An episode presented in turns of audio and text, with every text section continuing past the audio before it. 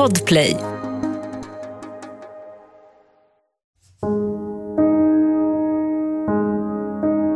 Vi befinner oss i en rättssal. Året är 2020 och gärningsmannen är numera gammal. Något som han inte varit vid tiden för brotten som han nu står anklagad för. Han sitter i en rullstol med en skyddsmask över ansiktet på grund av den rådande coronapandemin. Ingen hade kunnat tro att denna gärningsman hela 40 år senare till slut skulle få sitt straff. Inte ens han själv. Den tekniska utvecklingen hade legat honom hack i häl och kom till slut i fatt. Du lyssnar på Värsta morden, en podcast av Saga Lindqvist Springhorn. Denna säsong baseras på fall som ni lyssnare har tipsat om. Och redan nu kan du lyssna på alla avsnitt av den här säsongen på plattformen Podplay.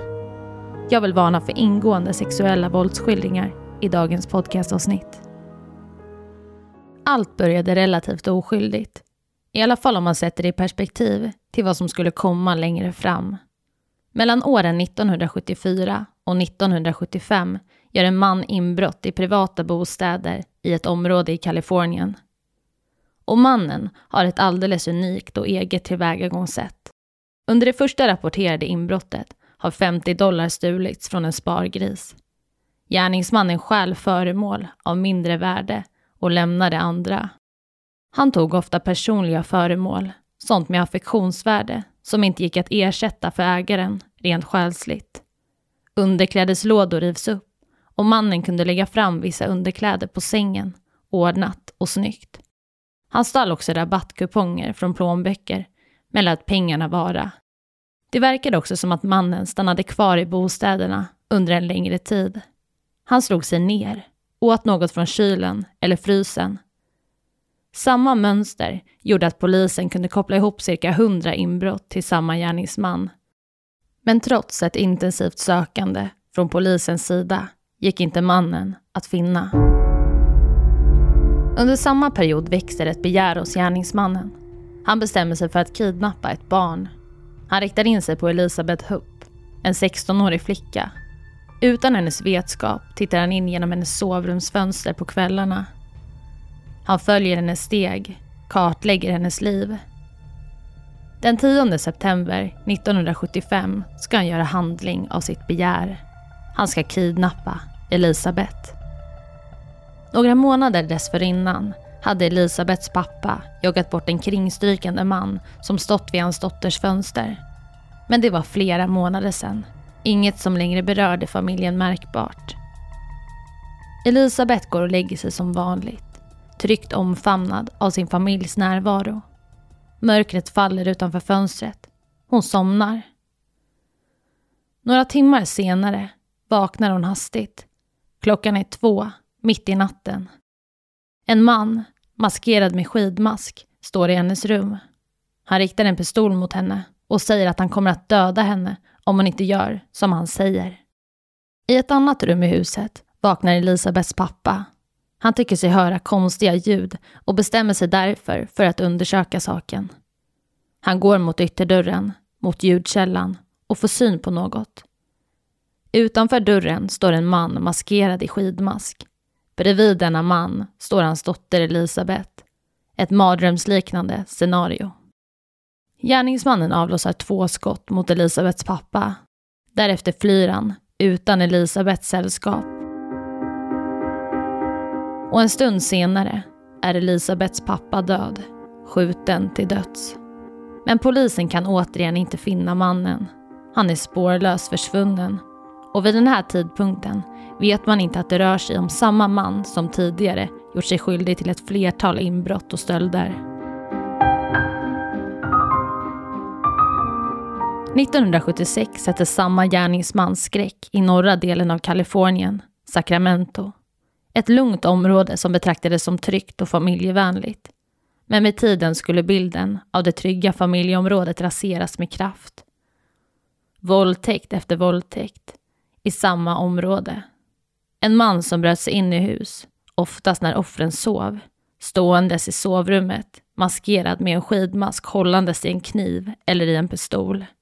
Han skulle komma att utföra 50 våldtäkter mellan 1976 och 1979 i samma lilla område.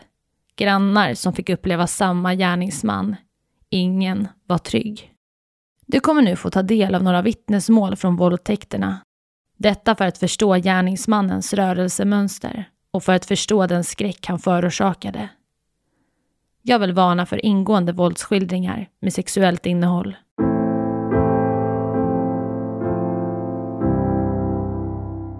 En 23-årig kvinna vaknar av att det står en man i hennes sovrum. Han tittar på henne och lyser upp rummet med en ficklampa. Han har en skidmask på sig och är avklädd på kroppens nedre del. Han har erektion. Mannen närmar sig. Han riktar kniven som han håller i handen mot hennes hals och viskar. Jag dödar dig om du gör något ljud ifrån dig. Därefter binder han kvinnan och trär på en ögonbindel över hennes ögon. Han våldtar henne, lämnar henne sedan för att undersöka huset. Han sätter sig vid middagsbordet och äter.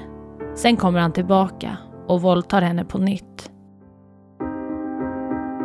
Den 18 december 1976. Vi kan kalla henne för Jenny.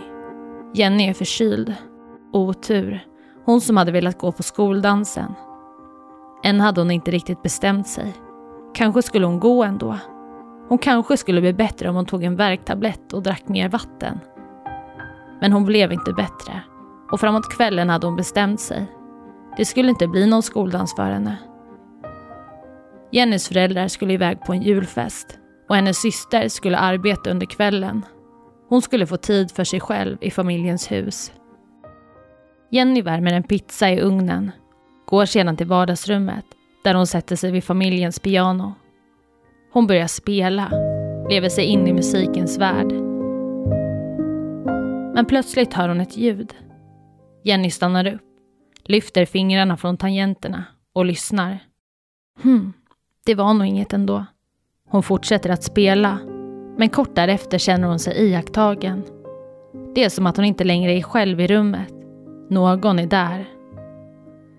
Hon tittar bakom sig och mycket riktigt, där står en man maskerad med en skidmask. Mannen sätter en kniv mot hennes hals och viskar i hennes öra. Om du skriker så kör jag in kniven i halsen på dig. Sen försvinner jag i mörkret. Den där okända mannen tvingar Jenny att resa sig upp. Hon gör inget motstånd. Hon har hört om våldtäkterna i området, hört att gärningsmannen kan vara våldsam. Det är bara att lyda. Han leder Jenny genom hallen, ut i trädgården. Jenny blir tillsagd att sätta sig på en bänk. Han binder henne med skosnören, hårt, skär av hennes kläder. Hon är nu naken. Jenny ser ingenting på grund av ögonbinden och hon är livrädd. Mannen går in i huset igen, lämnar Jenny sittandes där på bänken. Han gör det klart för henne att han kommer att titta till henne var tionde sekund. Hon kan inte fly. Då kommer han att döda henne.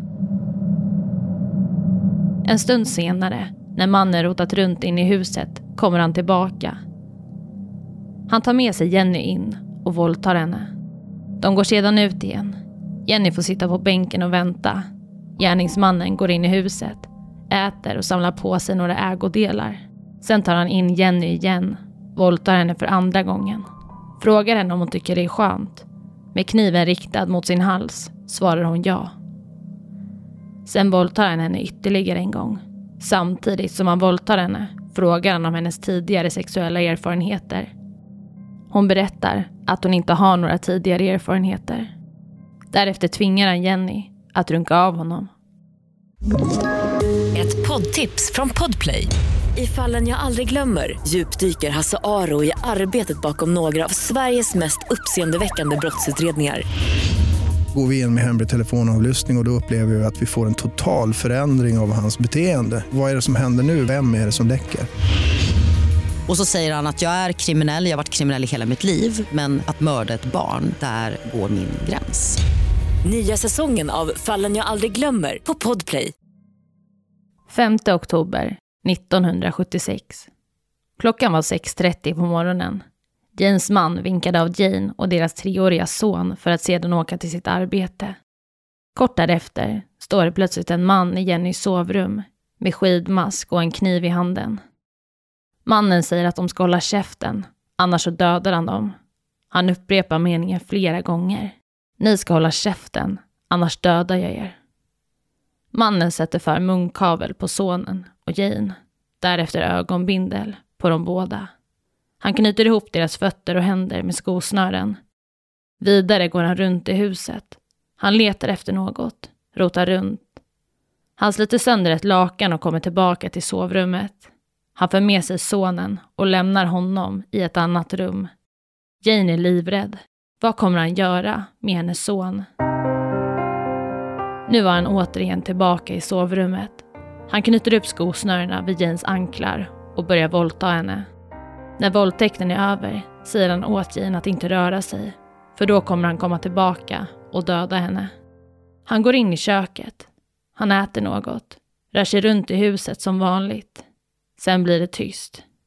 Jane hade överlevt, likaså hennes son.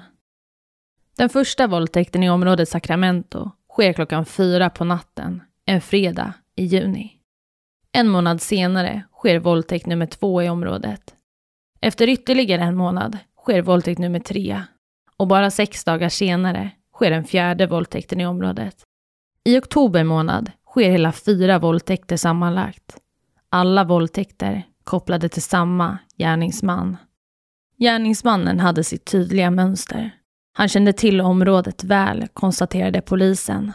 Han studerade kvinnor som han gav sig på, såg till att ingen annan vuxen var hemma vid tidpunkten för inbrotten och våldtäkterna. En smart gärningsman som kartlagt sina offers liv, bevakat dem på håll utan deras vetskap. Gärningsmannens kännetecken var att han alltid bar en skidmask.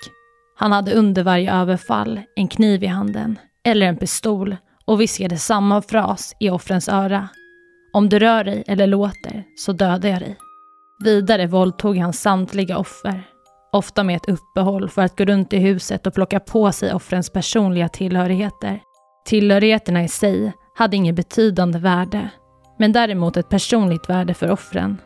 Saker som man kunde plocka på sig var vigselringar, ingraverade manchesterknappar och smycken. Denna våldtäktsman satte sig också i köket och sina offer, tittade igenom kyl och frys för att sedan få i sig något och därefter på nytt våldta. Skräck sprider sig i området i norra Kalifornien. Polisen kan inte längre undanhålla det som sker. Och polisen förstår nu att de har att göra med en serievåldtäktsman.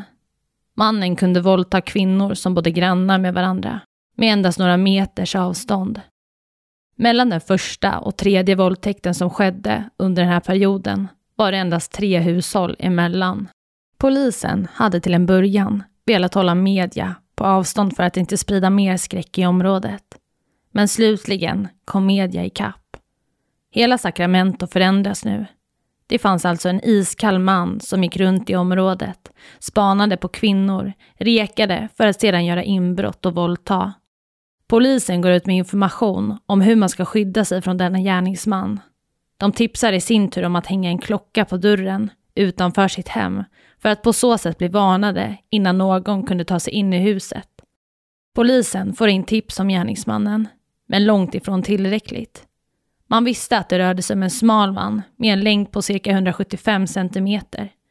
Mycket mer än så visste man inte. Polisen samlade in sperma från flera brottsplatser som mannen lämnat ifrån sig. Men under 70-talet var inte DNA-utvecklingen i närheten av vad den är idag. Och den tekniska utvecklingen skulle hela tiden ligga hack i häl på den iskalla gärningsmannen.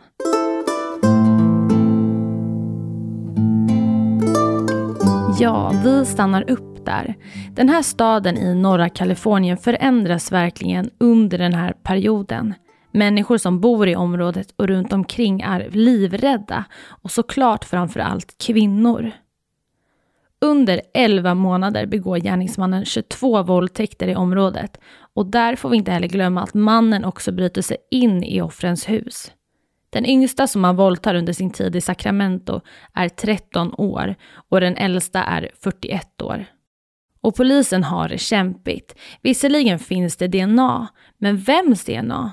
Den tekniska utvecklingen har tagit enorma kliv sedan den här tiden och det kommer ni få höra mer om längre fram. Polisen gör såklart också flera analyser. De tar hjälp av experter såsom psykiatriker och psykologer för att försöka komma gärningsmannen på spåren. Och det verkar som att det drivande för gärningsmannen inte är sexet i sig. Det är snarare skräcken som han hyser i sina offer. Att stå där som en mörk siluett, överraska sina offer. Skräcken i deras blick. Det var det som gav honom kickar. Vi går vidare. Media rapporterar om fallen. De tar ju aldrig slut. Våldtäkterna fortsätter. Och vad gör egentligen polisen? Varför har de ingen misstänkt efter alla dessa våldtäkter? Media börjar skriva om hur man bäst skyddar sig från mannen. Och än så länge har denna gärningsman inte våldtagit någon kvinna som samtidigt haft sällskap av en man. Våldtäkterna hade heller inte skett i hus där stora hundar fanns. Ytterligare ett sätt att skydda sig på. Och vidare händer något hos gärningsmannen. Han bevakar nyheterna. Han ser vad polisen säger, vad media skriver. Det ger honom ytterligare kickar. Och nu ska han göra klart för dem alla att ingen går säker. Han kan våldta vem han vill, oavsett. Nu skulle mannen rikta in sig på par. Det här var del ett av Polisen som mördade. Del två kan du lyssna på redan nu, både i podcastappen men också i appen Podplay. Och i Podplay-appen kan du redan nu lyssna på samtliga fall från denna säsong. Fall som ännu inte är publicerade på podcastappen. Om du vill komma i kontakt med mig, ställa frågor eller tipsa om mordfall kan du göra det på Instagram där jag heter Saga Springkorn eller mejla till varstamorden@springkorn.se. Tack för att du har lyssnat. An ocean, a cave, a dream that no one could save, a shell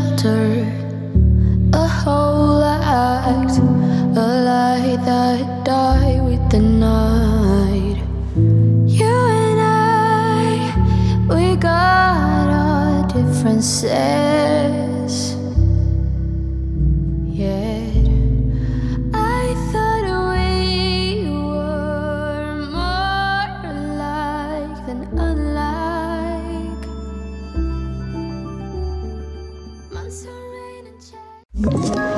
Ett poddtips från Podplay. I fallen jag aldrig glömmer djupdyker Hasse Aro i arbetet bakom några av Sveriges mest uppseendeväckande brottsutredningar. Går vi in med hemlig telefonavlyssning och, och då upplever vi att vi får en total förändring av hans beteende. Vad är det som händer nu? Vem är det som läcker?